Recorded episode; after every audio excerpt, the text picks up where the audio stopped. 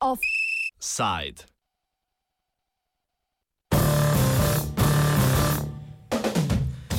Enako pod pritiskom v luki.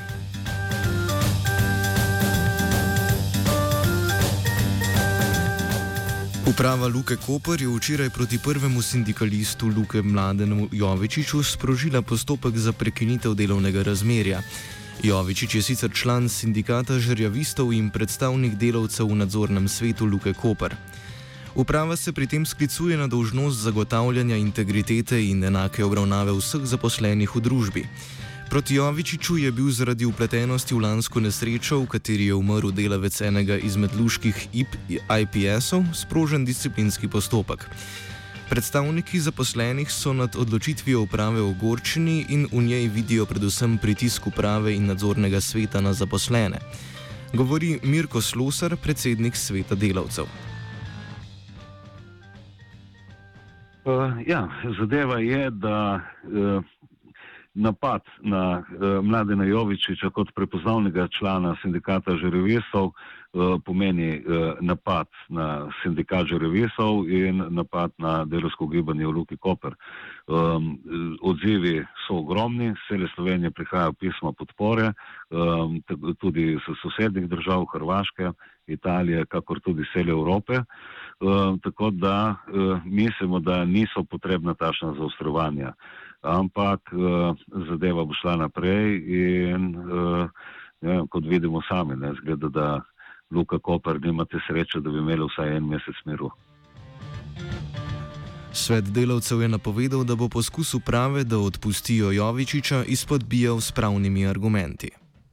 Svet delavcev Luke Koper je pridobil pravno mnenje, ki pravi prav nasprotno. Vemo, da so bili neki postopki tudi uh, pod prejšnjo upravo. Uh, Mladenu Jovičiču je bilo zamenjeno delovno mesto, uh, tako da postopki so se izvajali in so bili tudi zaključeni. Uh, prav tako pa, kot je znano, je bilo rečeno na tiskovni konferenci po zaključku seje nadzornega sveta konec prejšnjega leta, da so vsi, to je bil tudi očitek prejšnje upravi, da so vsi postopki proti mlademu Jovičiču zastarali. Jovičič je bil kot žrjavist upleten v lansko nesrečo, v kateri je umrl delavec enega izmed podizvajalskih podjetij v Luki, sicer bolgarski državljan. Poročilo preiskovalca pomorskih nesreč na Ministrstvu za infrastrukturo Jovičiču ni pripisalo odgovornosti za nesrečo, policija pa svoje preiskave še ni končala. To je tudi eden od razlogov, zakaj predstavniki delavcev v ozadju poskusa odpustitve mladena Jovičiča vidijo pritisk uprave na zaposlene. Moramo pa vedeti, da uh, mnenje inšpektorja uh, za pomorstvo uh, Janeza Požarja ki je pač raziskoval to nesrečo, da ni ključni vzrok eh, pač dela oziroma mladen Jovičič. Eh, moramo vedeti, da policija še ni zaključila svojega dela, moramo vedeti, da sodišče še ni zaključilo, tako da se nam zdi to, bi rekel, na nek način verjetno eh, nek pritisk na posameznika oziroma na delovsko gibanje v Luki Koper in na sindikat žerevistov.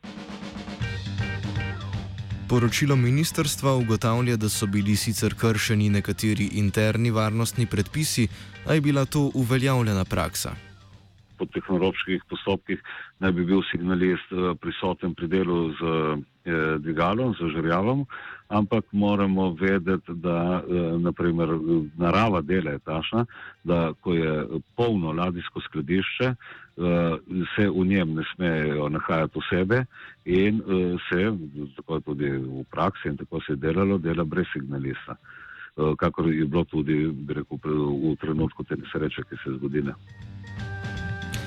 Luka Koper ni natančneje pojasnila, zaradi kakšnega zagotavljanja integritete, predvsem pa zaradi enake obravnave vseh zaposlenih v družbi, je bila dolžna začeti postopek za odpoved delovnega razmerja z Jovičičem.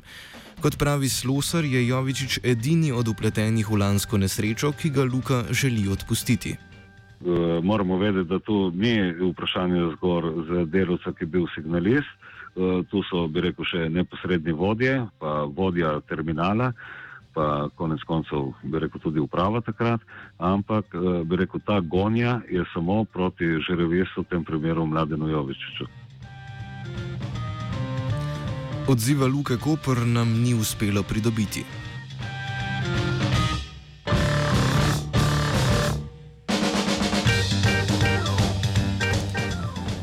Pritiski na Jovičiča so se zaostrili z novim nadzornim svetom. Predsednik nadzornega sveta Uroš Ilič je po njegovem mnenju neustrezno vodenje postopka proti Jovičiču navedel tudi kot enega od razlogov za odstavitev prejšnje uprave, ki jo je vodil Dragomir Matič, razlaga Mirko Slosar. Um, nova uprava ni niti en mesec, tretji teden. Eh, je pri nas v Luki Koper eh, pritiski na mlade Jovičiča se pa dogajajo eh, z prihodom novega nadzornega sveta. Tako da verjetno pritiski na mlade Jovičiča uprave samo izvajalec, verjetno so, bi rekel, neke indici o druge. Ne. Zdaj ne bo govoril o nadzornem svetu kot organu, ampak verjetno posamezniki v nadzornem svetu jim je v interesu, da bi uh, Mladen Jovičič dobil izredno odpoved.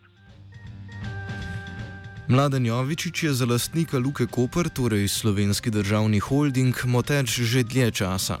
Lani mu skupščina delničarjev na predlog SDH zaradi sodelovanja pri blokadi pristanišča leta 2016 ni podelila razrešnice. Začetek postopkov za prekinitev delovnega razmerja sicer ne vpliva na Jovičičevo članstvo v nadzornem svetu.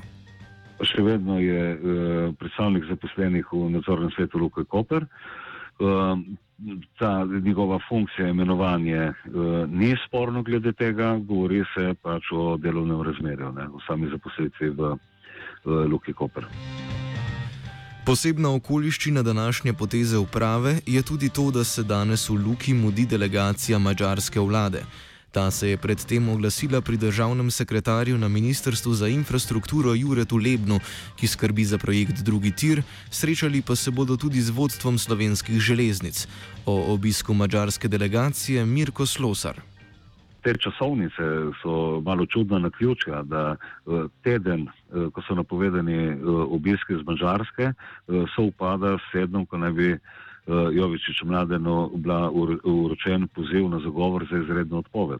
Tako da, ja, ne da bi špekuliral, ampak verjetno tudi kakšna povezava s tem.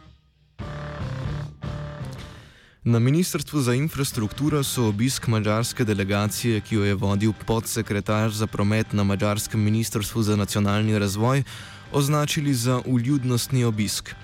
Na dnevnem redu je pregled dogodkov glede gradnje drugega tira Divača Koper, v katero naj bi Mađarska vložila 200 milijonov evrov.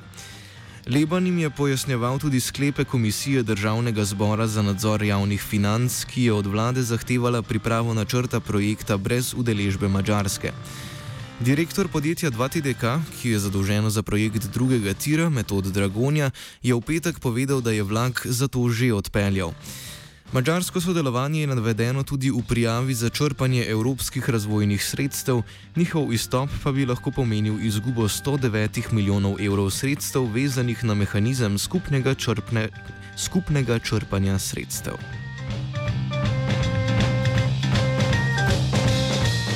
Offset je pripravil Gal.